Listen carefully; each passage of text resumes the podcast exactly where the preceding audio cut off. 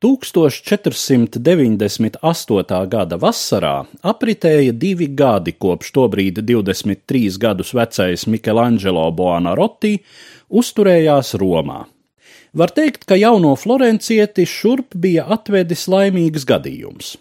Viņa dzimtajā Florencē tobrīd valdīja fanātiskais mūks Savonarola, un mākslas, kuras tur bija plaukušas valdnieku Medičī laikā, tobrīd tika uzskatītas gluži vai par ideoloģiski kaitīgām.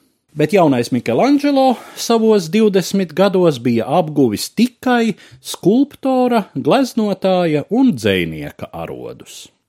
Par laimi, Medičī dzimta, gan zaudējusi administratīvo vāru Florencē, bija saglabājusi savus sakarus, tā skaitā arī tā laika mākslas priekšmetu tirgū. Viens no Medičī dzimtas, Lorenzo de Pierfrancesco, uzņēmās, kā mēs šodien teiktu, mākslas aģenta funkcijas un organizēja jaunajam māksliniekam pasūtījumu - guļoša Kupidona statuju. Bija gan kāda nianse. Pasūtītājs, kardināls Rafaele Riārio no Romas, meklēja antīku skulptūru, tāpēc Michelangelo vajadzēja imitēt senās Romas laiku izstrādājumu.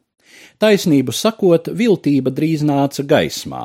Riārio esot pat pieprasījis naudu atpakaļ, tomēr, būdams mākslas pazinējs, kardināls novērtējis skulptora prasmi, un Michelangelo saņēmis no garīdznieka vēl vienu pasūtījumu - dieva Bakha skulptūru.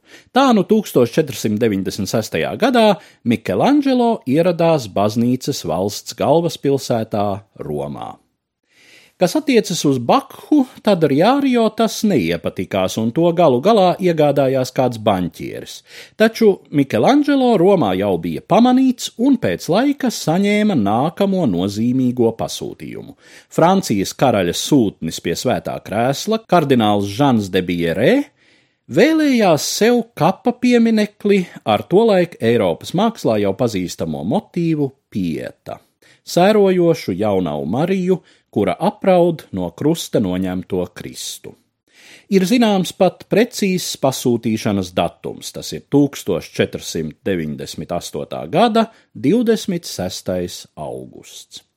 Tēmu kardināla debierē kapa piemineklim droši vien izvēlējās pasūtītājs pats tā diezin vai bija Michelangelo iecerē, jo tā laika Itālijas skulptūrā pieta motīvs vēl nebija pazīstams, taču bija izplatīts tālāk uz ziemeļiem - Vācijā, Polijā un arī kardināla dzimtenē Francijā. Darbs pie skulptūras prasīja māksliniekam apmēram gadu, un, kad tas bija galā, laika biedru skatiem atklājās viena no renesanses un vispār visu laiku izcilākajām skulptūrām. Marmorā darinātais tēls, jaunava Marija, kura tur uz ceļiem mirušo Jēzu, veidots it kā diezgan realistiski, bet tai pašā laikā nepārprotami arī reālajai telpai tāls.